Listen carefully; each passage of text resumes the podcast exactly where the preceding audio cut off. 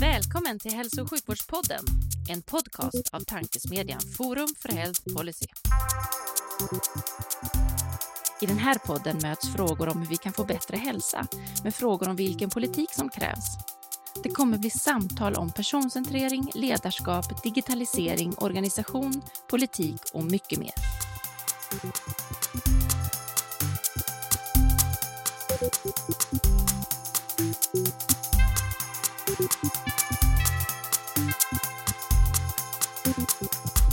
Hej och välkomna till Hälso och sjukvårdspodden, en podcast av tankesmedjan Forum för Health Policy. Forum för Health Policy är en oberoende tankesmedja som syftar till att driva på innovation och utveckling i hälso och sjukvården och omsorgen. Jag heter Magnus Lejelöw och arbetar till vardags för Läkemedelsindustriföreningen, men är även styrelseledamot i Forum för Health Policy. Och en annan styrelseledamot sitter vid min sida. Och det är som vanligt Livia Holm som till vardags jobbar för Kry. Hon ser alltid lika frustrerad ut när jag, när jag skickar över bollen så där mitt i en mening. Men hon klarar, har klarat det 32 gånger hittills och verkar klara det även idag.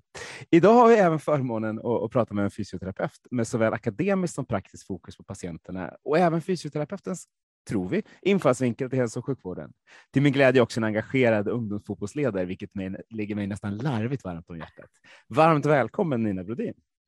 Men tusen tack. Jag är jätteglad att ni har bjudit in mig hit. Eh, och, och vi är minst lika glada, men för den delen så börjar vi som alltid podden med, med faktaruta. Vi bara kastar oss in, eh, in eh, i den och frågar vilket tycker du är det bästa sjukvårdssystemet i världen och varför tycker du det? Ja, det här är ju en eh, sjukt svår fråga skulle jag säga. Eh, från en som har kanske inte ett liksom, sjukvårdssystemsperspektiv, utan jag utgår ju kanske mer från, ja, men från min sida av saken. Eh, det kanske blir lite så här att eh, jag tänker så här att det finns ju vissa aspekter ur alla olika sjukvårdssystem som är de som jag tycker är de viktigaste för att det ska bli god vård och bra hälsa man, som jag tänker det så är sjukvårdssystem som en helhet otroligt beroende av kontext och kultur. Så därför känns det inte som att ett helt system skulle kunna liksom implementeras från ett land till ett helt annat. Men eh, jag influeras ofta av delar av det som sker i eh, Nederländerna. Eh, men jag tycker att vi har eh, jag tycker att vi har ett väl fungerande system i Sverige. Framför allt skulle jag vilja säga att det är för att vi har fri tillgång till min yrkesgrupp. Vi har alltså remissfrihet till fysioterapi, eh, vilket inte bara eh, tydliggör kompetensen hos den yrkesgruppen, men det bidrar ju också till ökad tillgänglighet. När individer själva kan göra bedömningen när de vill träffa den här professionen. Man är alltså inte beroende av någon Eh, gatekeeper som man behöver passera, som behöver ha då kunskap om vem är bäst lämpad att eh, fortsätta patientens resa tillsammans med, med dem, så att säga. Eh, så sådana aspekter tycker jag är superviktiga. Det är också viktigt, tycker jag, att jobba patientcentrerat, att det är inbyggt i systemet. Och att man jobbar evidensbaserat. Och då tänker jag framför allt, jag hade precis en jättespännande diskussion med en kollega faktiskt, kring just det faktumet att det är eh, eh, yrkeskåren och evidensen som bestämmer vad man ska göra, inte ett förutbestämt antal besök eller en viss kostnad som det får lov att kosta, så att säga. Eh, det är sjukt mycket bättre kvalitet om eh, det är professionen och evidensen som får bestämma, tycker jag. Och var tycker du man gör det? Man ja, jag tycker dig. man gör det i Sverige. Ja. Jag tycker man gör det i Sverige eh, och eh, jag tycker man gör det i Holland. Det gör man i många olika länder också, i Danmark också till exempel. Ehm, eh, men, men i de system där man låter, vi har ju tidigare haft ett system i Sverige där fysioterapeuter till exempel fick bara träffa en patient åtta gånger. Tack och lov har vi kommit ifrån det systemet och att det, liksom inte, det är inte det som begränsar oss längre. Eh, men det är inte så länge sedan. I början av min karriär så var det ju pengarna som bestämde vad vi skulle göra med patienten och inte vad patienten hade för behov. Precis, även om pengar tenderar till att bestämma ganska mycket även nu lite senare så, så är ju det, låter det som en positiv, positiv sak. Men vi, vi kastar oss vidare då. Då har vi med oss Nederländerna, Danmark och Sverige in här. Eh, pratar man med någon i sydöstra så är det alltid sydöstra som är bäst, men du säger Sverige, mm. det tycker jag låter balanserat. Eh, vilka är de tre bästa parametrarna att mäta och utvärdera i vården utifrån ditt perspektiv och varför? Ja, Um, om man tänker... Alltså, jag tycker att man bör mäta eh, hälsa. Alltså hur patienten upplever sin hälsa. Det är ju, det är liksom nyckelfaktorn. Det är det allt till syvende och sist handlar om. Eh, men sen tycker jag att man ska mäta... Då blir det väldigt nära liksom det, alltså nära patienten och nära vården där jag befinner mig. Eh, jag tycker att man ska ta reda på vad patienten har för problem, alltså rent person... Alltså, eh, det finns någonting som kallas för eh, patientspecifika frågeformulär. Så istället för, alltså vi behöver gå ifrån det här som är förformulerade frågor om antaganden om saker som patienten kanske troligtvis har problem med när man har en viss diagnos eller så. Eh, och våga, eh, våga fråga patienten efter dens egna individuella behov. Och för mig hänger det väldigt tätt ihop med eh, alltså patientcentreringen och det fokuset också. För jag tycker att vi måste våga ge eh, åtgärder, eh, insatser eh, som är baserade på det patienten behöver och inte bara ge vårt standardpaket till alla, för då faller liksom patientcentreringen. Det låter helt rimligt på, på väldigt många sätt och vis. När, när man, det svåra är väl att utvärdera det till och från. Eh, för, för, och jämföra olika eh, subjektiva känslor. Hur, hur, gör man då, tänker du? Ja, alltså jag tänker att eh, det finns ju frågeformulär som är eh, generiska, utvärderade för, för det här, där man helt enkelt mäter mängden av aktivitetsbegränsning man har. Eh, eh, man anger vilka aktiviteter man till exempel har problem att utföra till följd av det här tillståndet som man nu har drabbats av. Och sen så får man ehm, ange hur svårt man har att göra de här just nu jämfört med hur det så att säga brukar vara. Eh, helt vanliga Likert-skalor eller ja, VAS-skalor eh, och så kan man använda. Det blir naturligtvis så att man bara jämför eh, varje individ med sig själv. Eh, jag har inte sett så många studier som har tittat på ehm, att man jämför mängden aktivitetsbegränsning med, alltså totalt sett med, med något annat tillstånd eller så. Det kan man nog inte göra. Eh, men men om vi ska nå till att individen själv ska känna att det här gav någon nytta för mig personligen, då tror jag att vi måste närma oss det där. Eh, och det, är som sagt, det finns standardiserade frågeformulär som man kan använda, med väl testade.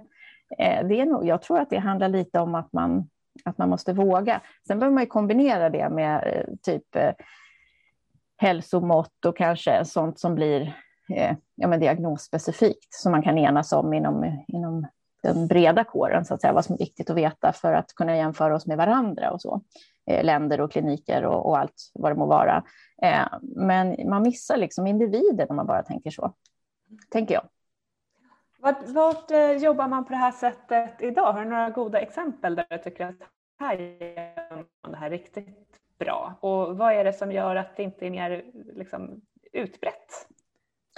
Och arbeta på det viset?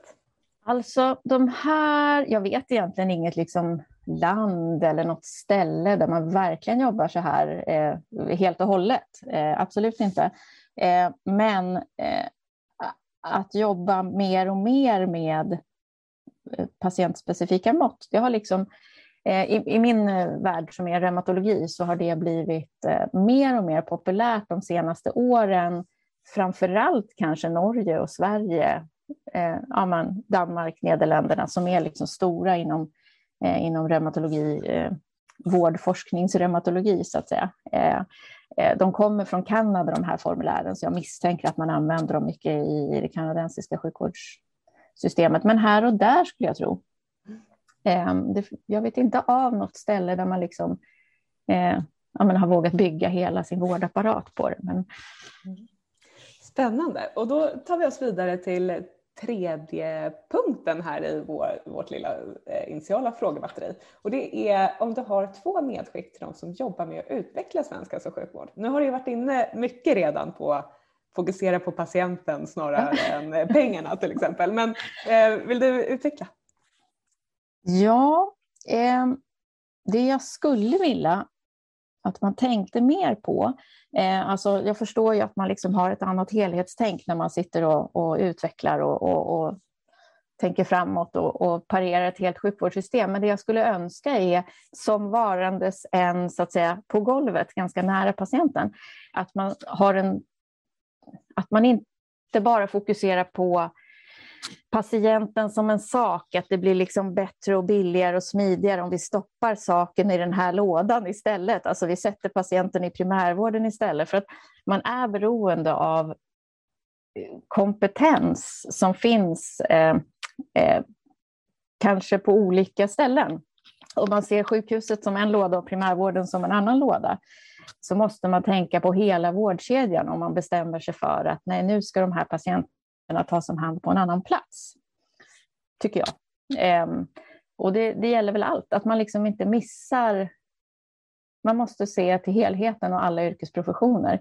Ur mitt perspektiv kan det ibland kännas som att man antingen kopplar man bort alla professioner och bara ser pengarna och patienten eller så, men att man kanske stannar efter där läkaren har slutat sitt jobb och inte riktigt tänker på att det faktiskt finns kompetenta andra yrkesgrupper som träffar patienten mycket och länge och också behöver vara på rätt plats för att kunna jobba tillsammans med patienten.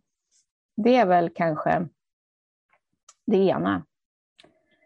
Eh, och det andra kanske ligger lite, lite närmare liksom verksamheterna, men om man planerar och utvecklar så tänker jag att eh, man skulle behöva ha ett lite mer pedagogiskt tänk i mycket av det man gör i vården. Eh, vi pratar ofta om att patienterna ska vara välinformerade och så. Och det ska de naturligtvis vara.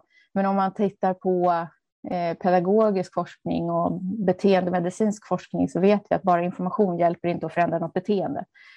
Och informationen man får ska man ju troligtvis göra någonting med. Så om vi ska hjälpa liksom patienterna att äga sin, sin hälsa och, och kunna liksom ta ansvar för den i det livslånga perspektivet så tycker jag att man borde tänka mer liksom pedagogiskt i, när man utformar kanske vårdförlopp och, och eh, interventioner och ja, lite allt möjligt.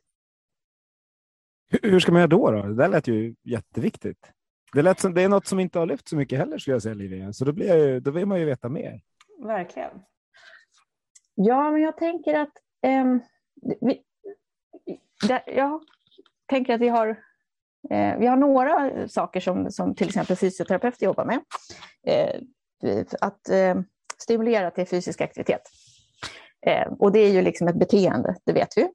Och då jobbar man ju liksom med eh, i större eller mindre grad med olika beteendeförändringsstrategier där man liksom först tar reda på om var patienten ens, är patienten ens redo för att ta emot den här typen av eh, information? Är vi ens nära att försöka komma till att förändra ett beteende? Man behöver ta reda på vad man, eh, ser man några Eh, fördelar med det här? Vad ser man för nackdelar med att ändra sitt beteende och så vidare? Och så behöver man jobba enligt liksom specifika processer. Och framför allt kanske man behöver öva på det man ska göra. Man måste liksom förstå vad man ska ha. Om man, om man nu är reumatiker och är, tror att träning är farligt för att det, det, kan göra ont, ja, men då behöver man ju förstås vet, få, få, få information och lära sig att Eh, det är inte farligt att vara fysiskt aktiv om du har en reumatisk sjukdom, utan det kan till och med leda till att din hälsa förbättras och så vidare. Men sen behöver man öva på att vara fysiskt aktiv och prata om hur det känns när man har gjort det så att man liksom kan komma vidare och, och befästa beteendet. Och då tänker jag att om man säger att man får eh, information om sin sjukdom, om sin diagnos, då inbillar jag mig att det ska man väl ha för att hantera sin sjukdom, för att kunna jobba med self-management till exempel. Och då behöver man ju öva på self-management. Och det räcker inte med att få en broschyr med okej, okay, det här är din diagnos, den eh, är så här och så här och ja, vad det nu må vara. Då tänker jag att man behöver, man kan inte släppa patienten där, utan man måste fånga upp det här och fortsätta och låta patienten öva på något sätt att liksom hantera sin sjukdom. Så annars är det som att slänga den där informationsbroschyren i toaletten och spola. Det här är den viktigaste beteendeförändringen vi kan göra, tänker jag. Har vi de experterna på nudging och beteendeförändring inom svensk hälso och sjukvård? De är nog tyvärr på forskningssidan fortfarande skulle jag säga. Alltså de är kanske inte de som är primärt kopplade till eh, eh, Alltså vi har, vi har mycket bra forskning om det och vi är kompetenta. Så problemet är ju att föra över det in i hälso och sjukvården, alltså implementeringen. Och att liksom få med sig, eh, och det är en väldigt lång process, men jag tror att man, man behöver börja uppmärksamma att vi behöver göra så här i fler processer. Jag har själv tänkt, varför jobbar jag bara så här när det gäller fysisk aktivitet och inte när det gäller patientens andra problem? Det är ju helt galet. För, för jag hade nästan sagt att, de, sagt att de sitter på marknadsavdelningen på näring, i näringslivet. Jaha, ja, ja. Ja, det kanske de gör också. Jag, jag, jag, för det är där mina beteenden, för, där. Ja, det är där mina beteenden förändras snabbast i alla fall. Man blir ja. på, påverkad på, sätt, på, liksom, på imponerande sätt ibland. Så jag bara mm, funderar på hur, mm, hur, ska vi, hur ska mm. vi lära oss av, av bra reklam, var ju hårt att säga, mm. men av bra beteendeförändringar från andra hållkanter. jag tänker att det är ju jätteviktigt, liksom det som sker i samhället i största allmänhet. Eh, alltså, eh, när vi pratar beteende, fysisk aktivitet, då pratar vi ofta om liksom hur det var på, på 70-talet, att då var liksom här, så här, eh, de här folkrörelserna, korpen och liksom sånt här, och alla var ute och åkte skidor och joggade och hade sig. Men sen har det blivit mer och mer kanske att man att det är en liten klick som tränar vansinnigt mycket istället, men att det liksom inte är en folkrörelse längre. Men känslan har kanske ändå varit att det börjar svänga, öka, komma mer i media om liksom, vardagsmotion, rör på dig lite grann, eh, eh, lite bättre än inget. Ja, men, och, lite så här, och så finns det ju väldigt, väldigt mycket appar och grejer och, och ja, men digitala lösningar som kan stimulera det här. Och allt sånt är ju, spelar ingen roll var patienten får sin ingång ifrån. Liksom. Man kan ju lika gärna bli eh, intresserad eller av, ett, av det här från, ja, men från vilket håll som helst. Det behöver, inte, det behöver inte komma från sjukvården, men den klicken av människor eller patienter, personer med sjukdomstillstånd som behöver sjukvårdens hjälp för att hantera det här, de behöver ju liksom vara utbildade på ett sätt. En del patienter klarar sig ju alldeles jättebra själva, eh, trots att de har ett, en sjukdom. Liksom. Eh, tror du, eller är, är din liksom, observation att insikten kring att det här är så att säga vårdens ansvar? Finns den där? Handlar det, mer, handlar det om att eh, man känner att vi inte har tillräckligt med resurser att arbeta på det här sättet eller handlar det om att man tycker att det här ansvaret för, för den här typen av beteendeförändringar bör ligga någon annanstans utanför vården? Eller eh, är det en alltså, reflektion kring det? Ja. Inom reumatologi om jag bara börjar där, som jag känner till bäst. Eller ja, fysioterapeuter överhuvudtaget jobbar ju väldigt mycket hälsofrämjande eh, och så. Men man kan ju tänka sig lite att, alltså som jag som är knuten till ett sjukhus, då är det ju liksom redan för sent. Då blir det sekundärprevention eh, enbart. Eh, för då, patienten kommer ju bara till ett sjukhus av en anledning så att säga. Men fysioterapeuter överlag har ju jobbat hälsofrämjande hur länge som helst. Det är ju vårt största redskap, är ju rörelse, liksom fysisk aktivitet. Ehm, och inom reumatologi tycker jag nog, vi har haft ett ganska ja, men vi har haft ett omfattande arbete kanske de senaste 5-10 åren med att liksom belysa levnadsvanors eh, eh, viktighet överhuvudtaget. Till exempel rökavvänjning har man jobbat med jättelänge eftersom det har en sån tydlig koppling till reumatiska sjukdomar och, och fysisk aktivitet också för den delen. Ehm, men sen tror jag att, ja det är kanske lite oklart liksom det här med vems ansvar. Alltså det är ju... Man kanske tänker att det är lite, eh, lite allas ansvar. Det var en knivig fråga. Ett ansvar Liv och jag har är ju att eh, få den här podden att, gå framåt så vi ska få introducera dig, vilket vi brukar göra efter faktarutan. Men vi har inte kommit igenom faktarutan än, trots att vi har kommit 20 minuter in i podden. Så här funkar vi. Eh, men vi tänkte vi kan väl då avsluta med den sista, sista frågan eh, innan vi berättar vem du är. Du har ju nämnt det lite naturligtvis. Berätta din finaste patientanekdot. Ja, här fick jag ju fundera länge och väl, för jag har jag, jag hade flera stycken som jag funderade på, måste jag erkänna. Du får Men, ta flera om du vill, det gör oss ingenting. Eh, det, jag har två som skiljer sig ganska olika, mycket åt. Eh, där den ena är någonting, eh, var en patient som jag hade under väldigt, väldigt lång tid som hade extremt stora besvär. Eh, där, och vi träffades två gånger i veckan under säkert ett års tid. Eh, och det fina med hela den historien, det var att medan jag hjälpte eh, patienten med eh, smärta och rörelsemönster och så, eh, så kom vi genom liksom våra samtal in på att det var problem på arbetet. Vi kom fram till vem vi skulle kontakta gemensamt för att lösa det. Eh, vi löste en socialförsäkringssituation. Eh, vi pratade med reumatologen, vi hade sjuksköterskan involverad, vi hade kuratorn och arbetsterapeuten involverad. Och jag, jag minns det så väl för att det här var teamet, eh, teambaserat omhändertagande. Allt fanns på plats i huset. Det handlade bara om att man vet inte som patient hur man liksom ska simma runt i poolen av massa människor som man inte har en aning om vad de kan hjälpa till med. Men genom att våga berätta för någon att ja, så är det problem med det här också. Ja, men bra, då löser vi det. Och just det här teamets viktighet kring de mest komplicerade patienterna. Eh, det kändes som att ja, det kommer jag aldrig att glömma. Den andra historien är klart mer pragmatisk. Jag hade världens härligaste patient som bodde uppe på en kulle och hade fått ett skov Eh, av sin, i sin reumatiska sjukdom och kunde knappt inte gå. Eh, färdtjänsten fick köra patienten liksom uppför backen ända fram till dörren. Eh, och sen så började vi eh, styrketräna i en helt vanlig sån här benpress-gymmaskin eh, som vi har hos oss. Patienten var ytterst skeptisk från början och tänkte att det där är en gymgrej. Hallå, jag är ju jättesvag, det här går inte. Så gjorde vi det eh, tillsammans med eh, den, nu ska jag sticka ut hakan, en av de mest effektiva eh, benträningsövningarna som finns om man har lite halvknackig funktion. Vad är det för någon då?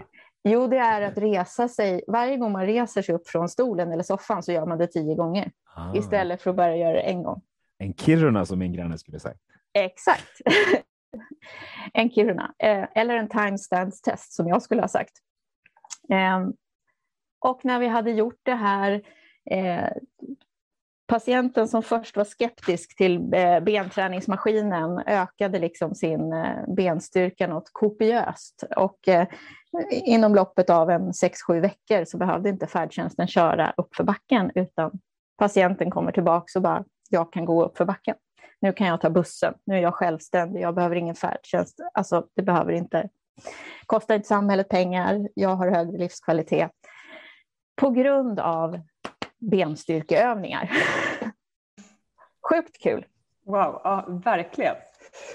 Okej, men då ska jag, jag ska följa eh, på Magnus eh, eh, prompt där med att röra oss vidare i podden. Vi har pratat i 25 minuter och vi har inte hunnit prata om dig ännu och vem du är och vad du gör. Så jag tänkte att vi, vi ska ta oss dit. Eh, vad, vad är din roll idag och hur eh, hamnade du där? Ja, idag är jag, eh, jag är fysioterapeut, eh, lektor på Karolinska institutet och docent. Och jag har förmånen att få ha det som vi kallar för en förenad anställning eh, mellan Karolinska institutet och i mitt fall då Danderyds sjukhus, där jag jobbar som fysioterapeut. Eh, I min KI-roll så är jag biträdande sektionschef och jobbar med forskning och och undervisning. Och i min kliniska roll så ja, träffar jag patienter. Men där har jag också just nu eh, faktiskt också ett jättespännande... Vi har precis fått ett nytt uppdrag om att eh, få ge eh, sammanhållen eh, reumatologisk rehabilitering. Så där håller jag på i medieteamet som ska utveckla vad vi ska erbjuda patienterna. Så det är det jag gör idag. Ska vi unmuta oss. Eh, hur, hur hamnar man där då? Om man vill ja. bli, vi ska komma tillbaka till, till det där med rehabilitering, för det, kan säga, det är något som kommer upp rätt ofta i den här podden, så, så det är något vi vill prata mer om. Men, men vi tänkte ja, vi håller oss kvar lite. Hur, om, man vill, om man vill bli ansvarig för rehabiliteringsdelen, då, vad, man, vad gör man då innan? Ja, alltså jag har jobbat på Danderyds sjukhus sedan eh, år 2000. Jag började min eh, sjukgymnastkarriär på eh, Hudiksvalls sjukhus på neurologen, eh, men sen så flyttade jag hem så att säga, till, till Stockholm och så fick jag jobb på Danderyds sjukhus våren 2000. Eh, jag var i och för sig ganska tydlig med att jag ville jobba på ortopeden, för jag tyckte att jag gillade det här med liksom benbrott och korsbandsskador. Jag tyckte det var lite häftigt så. Eh, men så fanns det en möjlighet då. Jag, jag fick en 50-50 tjänst, reumatologi och ortopedi. Sen blev jag ganska tidigt nyfiken på att vidareutbilda mig. Jag ville forska. Jag fick en fantastisk handledare som sydde in mig liksom i doktoranderi och så. Och då var ju det inom reumatologi. Och sen rullade det bara på.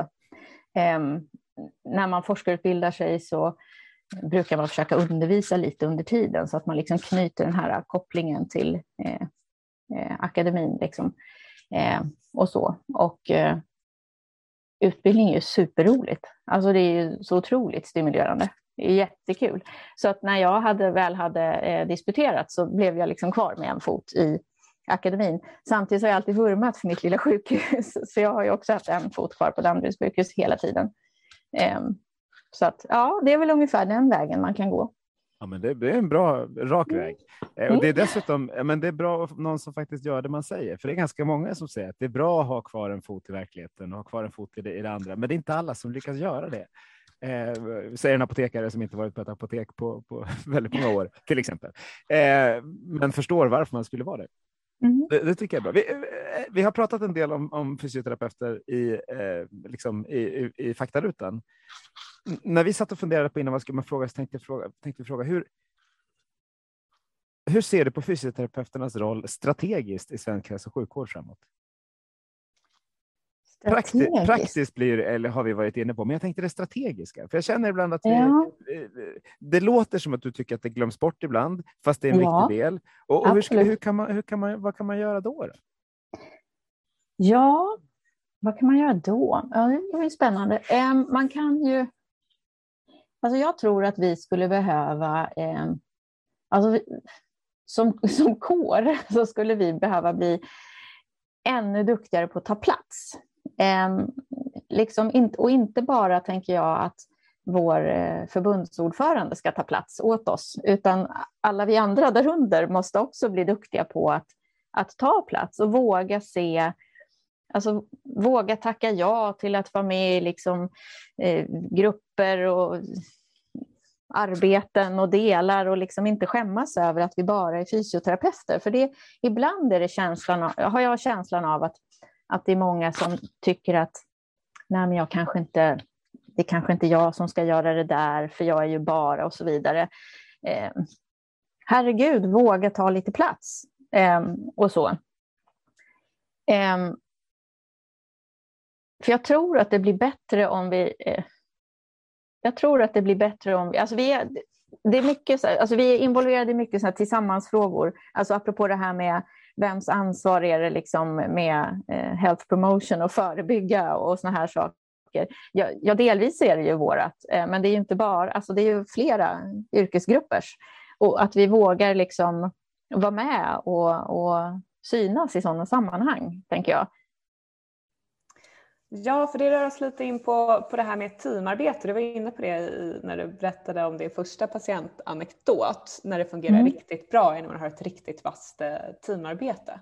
Mm. Um, och det är någonting som, som pratas väldigt mycket om, men eh, där man ofta möter att det kanske inte alltid funkar så bra som man hade önskat. Uh, hur ser du att man skulle kunna förbättra teamarbetet eller vässa till hur vi arbetar liksom crossprofessionellt? Eh, mm.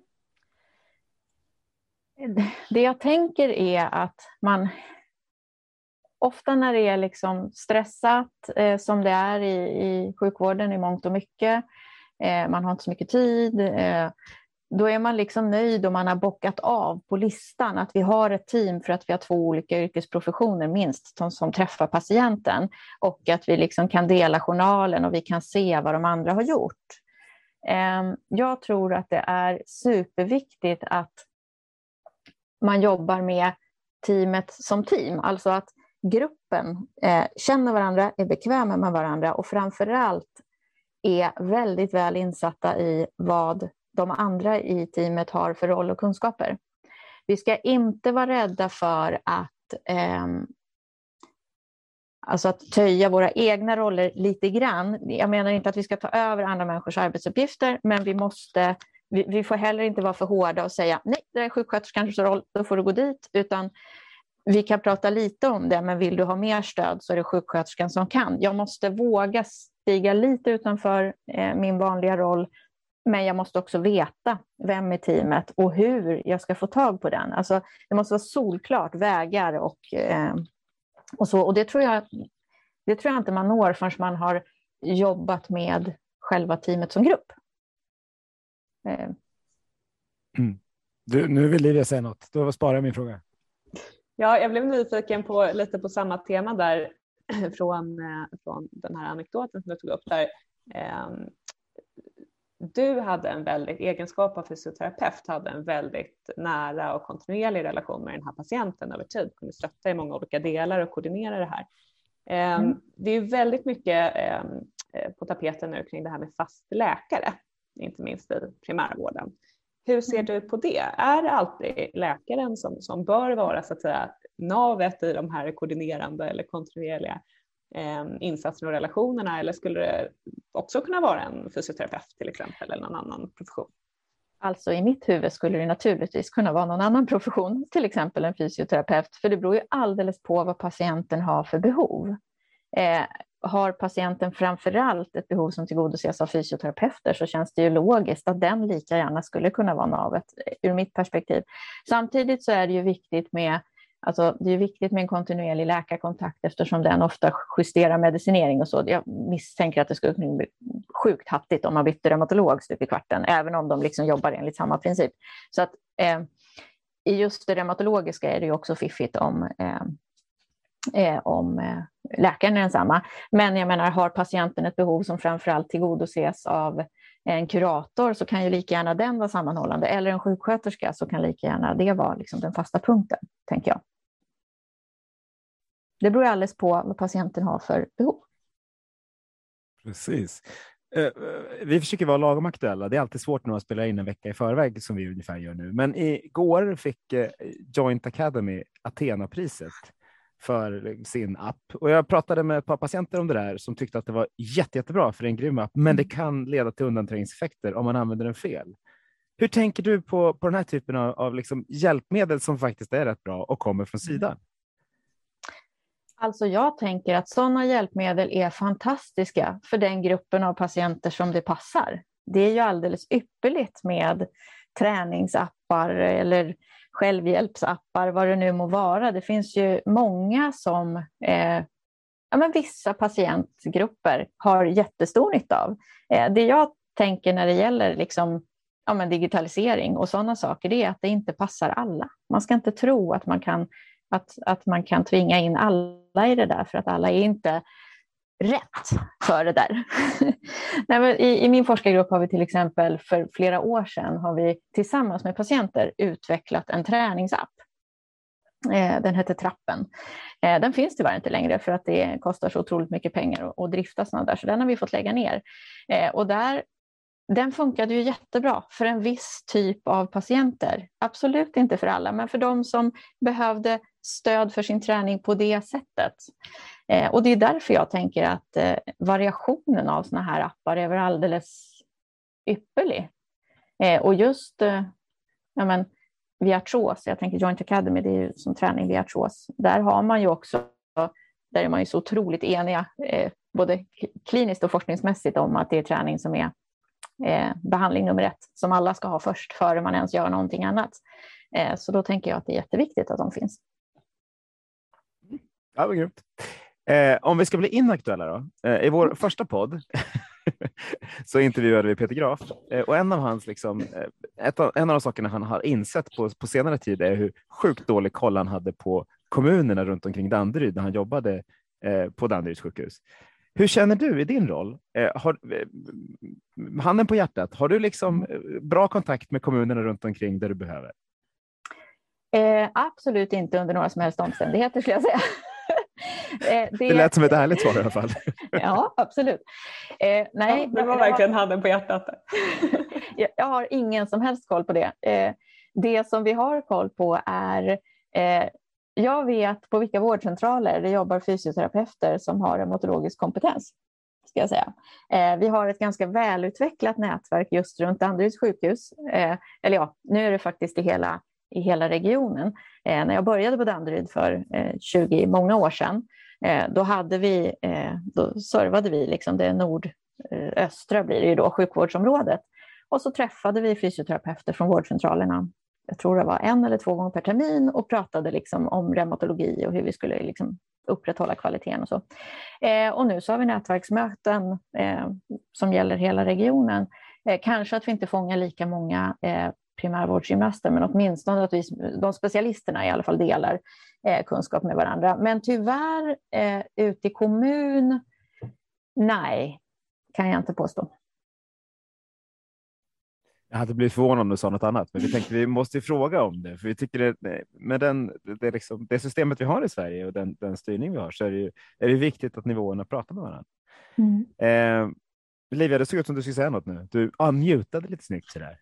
Ja, men precis. Nej, jag var nyfiken på att, att ta det där vidare lite grann. Ehm, eh, du var inne på att ett, en sak som är positivt med, med Sverige det är eh, egentligen den fria tillgången till, till den här typen av kompetens.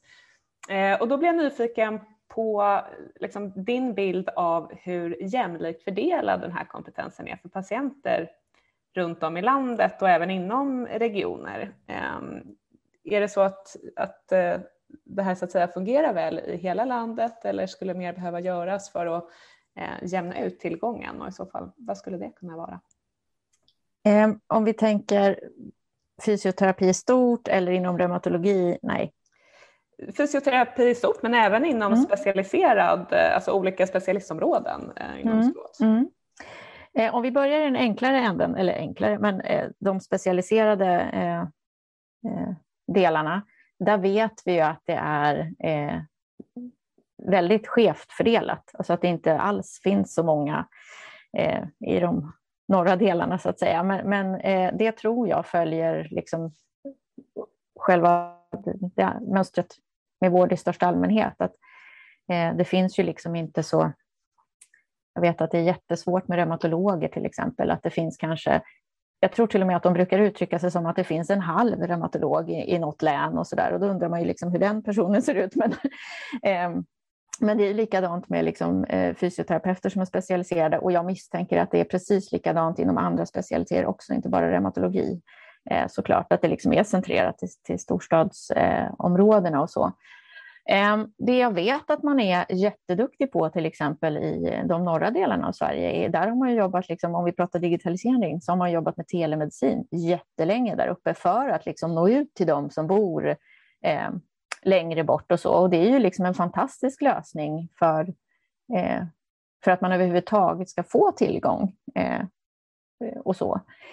Ehm, jag förstår ju ur ett liksom, jag menar man vill ju ogärna Eh, flytta på sig också som eh, privatperson eller så. Jag menar, man bor där man bor och man vill ju vara i sitt, i, i sitt sammanhang så det är kanske svårt att liksom flytta runt, runt kompetens också och då får man ju utnyttja andra sätt eh, eh, för att nå ut eh, och så.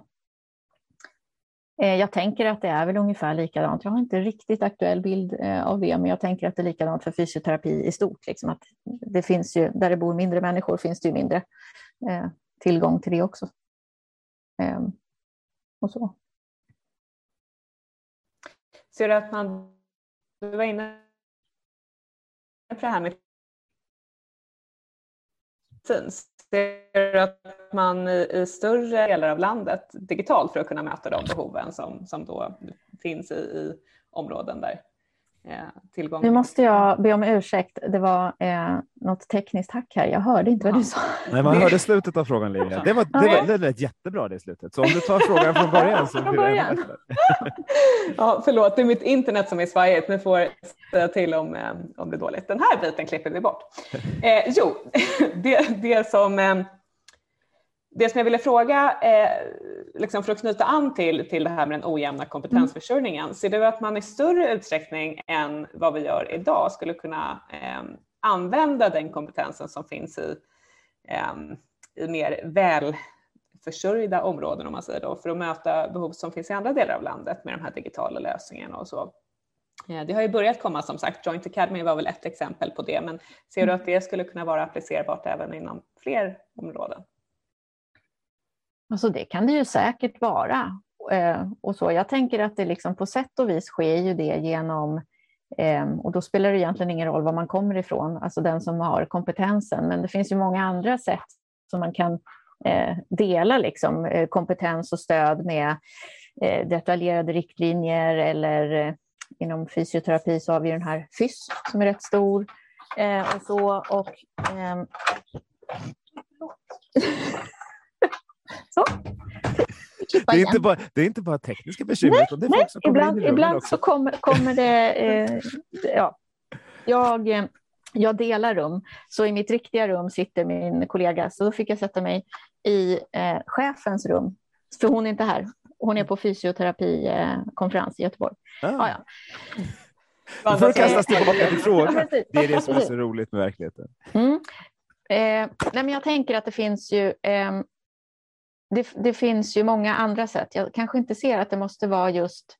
Det är kanske svårt att omfördela liksom där det finns flest folk. Det viktiga är väl liksom att vi delar kompetens med varandra. Sen vem den kommer ifrån ursprungligen kanske inte är, liksom, det är väl inte det viktigaste, eller så, utan vi får ju, vi får ju se till att ha välfungerande nätverk och dela liksom redskap och underlag och, och kompetens med varandra på andra sätt, eh, tänker jag för att liksom nå så många som möjligt och för att höja kvaliteten generellt liksom i, hela, eh, i hela Sverige. Sen kan ju experten komma från vårdcentralen Kotten i Luleå, och det spelar ingen roll. Eh, det viktiga är att man delar det som fungerar bra. Eh, och så. Absolut. Man undrar om det finns en expert där och om det finns en sån vårdcentral. Eh, men det var egentligen inte frågan. jo, eh, vi brukar prata, eh, man håller på med en ganska stor omställning i svensk hälso och sjukvård vad det gäller vårdinformationsmiljöer, det vill säga vi byter journalsystem och uppgraderar journalsystem. Eh, vi brukar generellt fråga vad, det, vad, vad, din bild av det är och det tänker vi fråga. Men vi tänker också mm. fråga hur din bild av eh, journalsystem utifrån en fysioterapeuts eh, horisont är. Liksom, är ni en del av samma? Är ni integrerade på samma sätt? Har du lätt att få information? Ja, du ser, jag har hur många frågor som helst, ja. så du får brodera lite. Ja, men absolut. Alltså, vi är ju, ja, men absolut, vi är ju en del av samma. Det allra bästa är ju när man kan interagera med eh, andra enheter som har samma journalsystem om man ska dela patient. Eh, det är ju liksom en mycket trevlig förutsättning. Det blir ju alltid mycket mer komplicerat annars. Eh, jag tycker att vi har eh, goda möjligheter att eh, dela information så att säga in-house eh, kring eh, varje patient, absolut. Ehm, men jag förstår verkligen poängen med att man, det hade varit supernice om man hade haft samma journalsystem, liksom, kanske i hela Sverige. Så att man verkligen hade kunnat dela, för det händer ju att, att patienten från Östersund bryter foten när de är här i Stockholm på semester. Ja, och då behöver det åtgärdas här hos oss, inte i Östersund. Eh, och då är det ju fiffigt om man kan eh, samla och dela. Eh, det har ju med kvalitet att göra, att man behöver komma åt. Liksom. Och det hade ju varit jättetrevligt om, om ja, men apropå kommunen där, ända ut i kommunen om man har tillgång till samma typ av information om medicinlistor och, och andra behandlingar och kontakter och, och, och så. Um, sen hade det också varit jättefiffigt och där känns det som att det snart är dags eh, att koppla, alltså göra lättare och tydligare kopplingar mellan kvalitetsregister och journalsystem. Eh, för där har vi inom reumatologi så har vi, jag satt med i styrgruppen för eh, SRQ, alltså reumatologiska kvalitetsregisterna för jätte, jätte, jättelänge sedan. Och då började vi prata om att vi måste jobba för att antingen matar man in i journalen och så dyker det upp i kvalitetsregistret eller vice versa. Men jag har uppfattat att det inte riktigt ännu fortfarande funkar. Eh, och det här var nog säkert tio år sedan vi började prata om det. Eh, så att det, det, sådana delar känns ju som att det skulle ju höja kvaliteten ännu mer på journalen och informationen. Vi kan glädja dig att diskussionen fortsätter i alla fall. Så man pra vi pratar fortfarande om det eh, och, och, det är väl en av delarna som förhoppningsvis kommer, kommer med nu när vi uppgraderar journalsystem runt om i Sverige. Om det blir mm. ett och samma, det tror jag inte, men däremot att informationen ska vara möjlig att dela, det tror jag är en, mm. en nyckelfråga framåt. Om ni tycker mm. att jag pratar för mycket och Olivia är lite tyst så är det för att hennes internet är lite svajigt. Så hon är med bara när det passar. Eh, men jag tänkte, vi bad dig brodera nyss. Brodin broderar kommer att bli nästa eh, fråga igen här om ledarskap i hälso och sjukvård, tänkte jag. Hur är din syn på, på ledarskap? Eh, både utifrån liksom vad du själv tycker är viktigt, men också eh, någon slags hur man får in er yrkeskategori på ett bra sätt genom ledarskap. Lätt liten fråga, va? Det var en lätt liten fråga så här.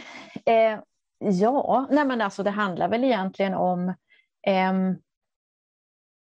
om man tänker tillbaks på eh, ledare, så att säga, eh, man har haft.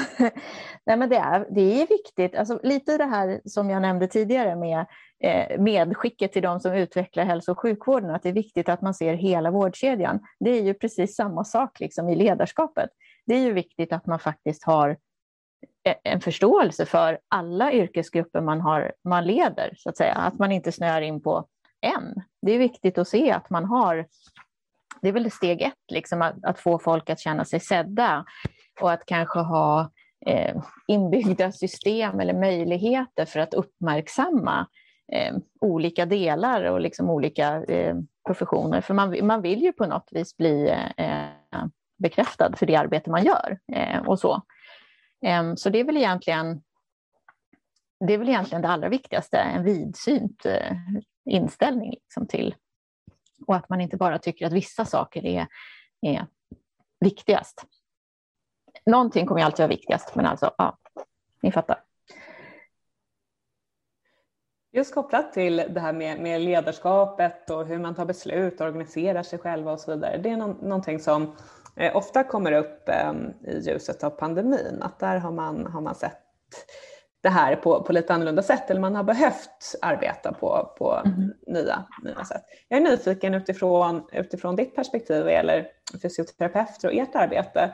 Eh, vad tar ni med er från, från pandemin? Hur, hur har pandemin påverkat hur ni kan möta patienter, hur ni organiserar er, samverkar med andra, andra professioner? Ehm, kan du berätta mm. Um, och där måste jag nog erkänna att liksom min tydligaste bild kommer väl från um, liksom universitetshalvan, eh, så att säga.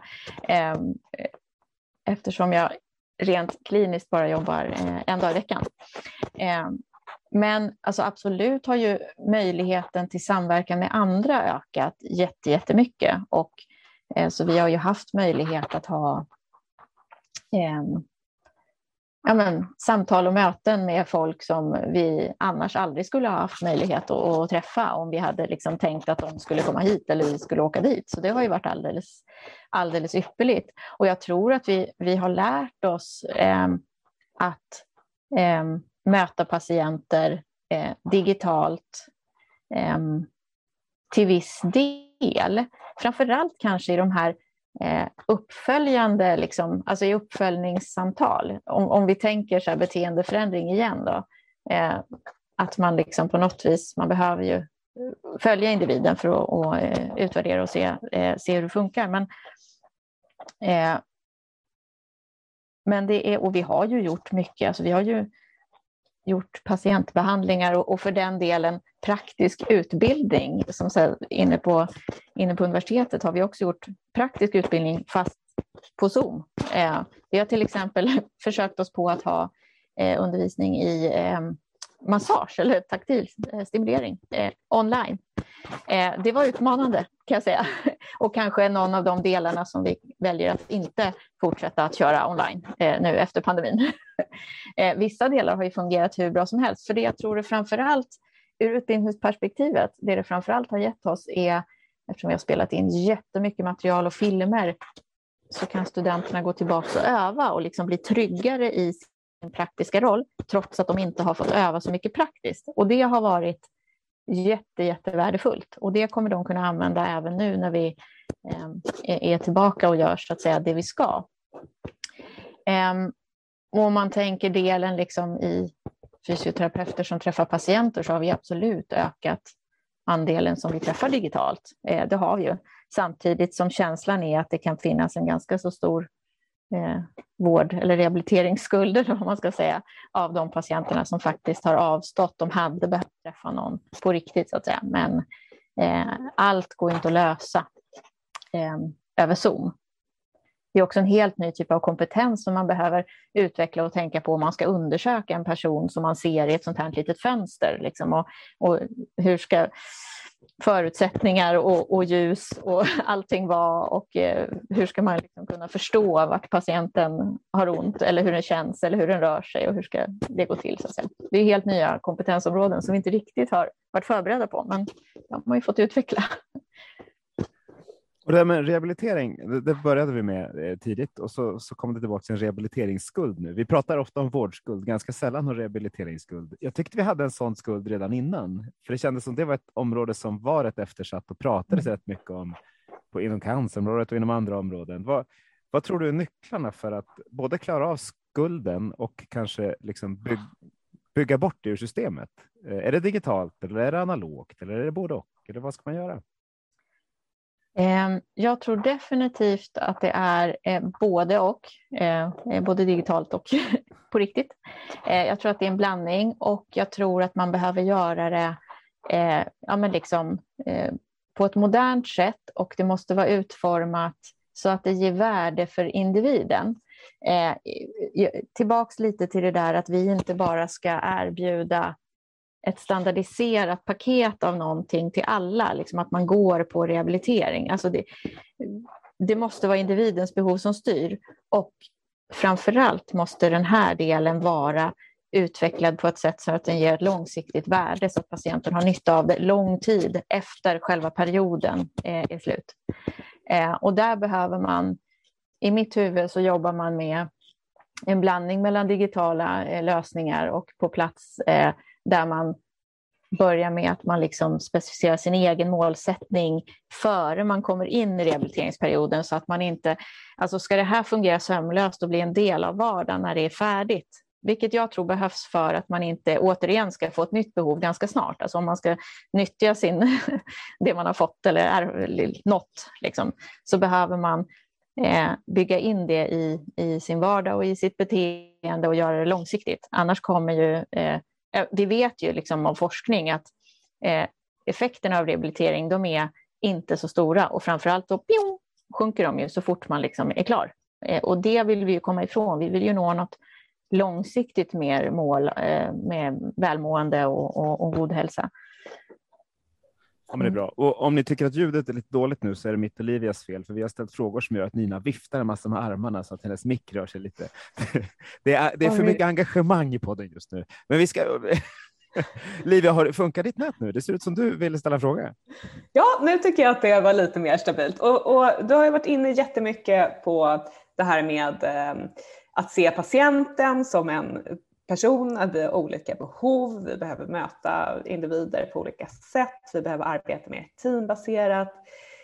Nu rör vi oss mot ett valår och då är jag nyfiken på liksom, hur du ser på politikens roll i det här. Vad, vad skulle du önska att politiken drev för att skapa bättre förutsättningar för att få till den här mer patientcentrerade teambaserade vården?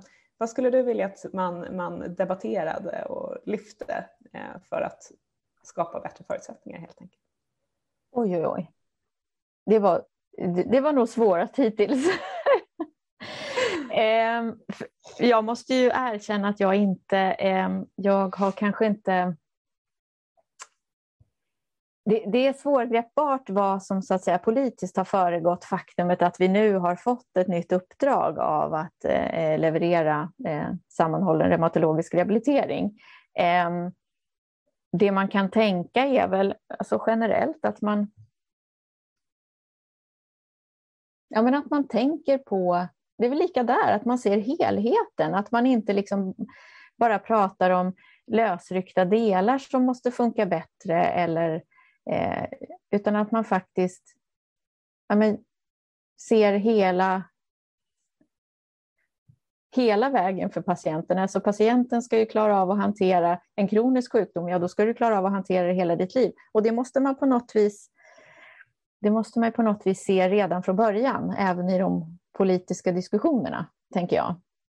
Ehm, och sen är det ju bra om man liksom på något vis tar in eh, alltså evidensperspektivet i det också, så att man faktiskt, för det är ju faktiskt resultatet av den här nya rehabiliteringssatsningen, att den ska bygga på Socialstyrelsens riktlinjer för rörelseorganens sjukdomar, vilket ju är liksom eh, forskningsunderlaget vi har. Eh, det kan jag ju tycka, för då skulle det finnas ganska mycket underlag till att, att eh, det är så vi ska jobba med många patientgrupper. Precis. Vi pratade med Marie Morell för några veckor sedan och då sa hon att ja, men det som kommer pratas om i valet vad gäller vården, det är det som Läkarförbundet bestämmer. Mm. Eh, hur ska ni göra för att det ska bli det som fysioterapeuterna säger som blir, blir ledande framöver? Ja, det var ju också en spännande fråga. Förlåt, vi brukar avsluta med svåra frågor. Ja, ja jag förstår det. Jag förstår det. Eh, ja, vad ska vi göra? Men jag tycker ju för sig att vi har... Eh, eh, vi behöver ju också vara aktiva i debatten. Liksom. Och eh, säger man vi på ett sådant sätt, liksom ett politiskt sätt, då, då pratar vi väl liksom eh, förbundsordförande så, eh, som behöver liksom synliggöra eh, och, och vara med i, eh, i sådana här sammanhang. Eh, det är ju jätteviktigt. Ehm, jag har inte riktigt något annat bra svar på den frågan känner jag. Det är helt okej. Vi tycker att det är bra att du är med, för det är bara det lyfter ju. Att man är med i, i den kanske viktigaste podcasten inom svensk hälso och sjukvård. Bara det är ju liksom en bra sak. Eh, däremot så inser vi, vi gillar ju rörelse. Och nu har ni som har lyssnat varit ute och gått snart en timme eller sprungit eller åkt skidor eller när, när ni nu gör det här. Eh, när du kom in i det här digitala rummet, var, var det något du hade sagt, det här skulle jag vilja prata om och det här har jag inte alls fått prata om. Det har Magnus och Olivia missat helt. Eh, nej, det är det nog inte. Det jag själv kände att jag liksom eh, hade mest sådär att jag skulle vilja prata om, det är det här med mer pedagogik eh, i det vi gör i vården. Eh, för det är också det som jag känner är min egen tydligaste eh, insikt som faktiskt kommer av faktumet att jag har fått möjligheten att ha den här rollen som jag har, som är delad mellan eh, utbildning eh, och eh, forskning då, och klinik. Så det är egentligen, det tycker jag är, ur mitt perspektiv är det viktigast just nu. Det ligger längst fram här, hur man ska kunna jobba för att det ska bli, jag tror att det är det som krävs för att vi ska få eh, långsiktigt hållbar hälsa hos patienterna. Och som du märkte så reagerade vi mycket på den också och tyckte att det var ett spännande inslag i det. Jag tycker mm. generellt att det var ett väldigt spännande samtal som, som tog, eh, liksom angrep frågan på lite olika sätt. Du sa innan, undrar vad jag kan bidra med och det var väldigt mycket skulle jag vilja säga så här i efterhand. Eh, men vi kanske ska knyta ihop den här säcken Olivia, vad säger du? Det tycker jag. Ja, tack så hemskt mycket Nina för att du var med, var med oss i, i Hälso och sjukvårdspodden. Men tusen tack för att jag fick vara med. Tack. Och tack Livia som vanligt eh, och tack alla ni som lyssnat. Eh, kommentera gärna, sprid podden så mycket ni bara kan så fortsätter vi att förändra svensk hälso och sjukvård till det bättre. Tack så mycket.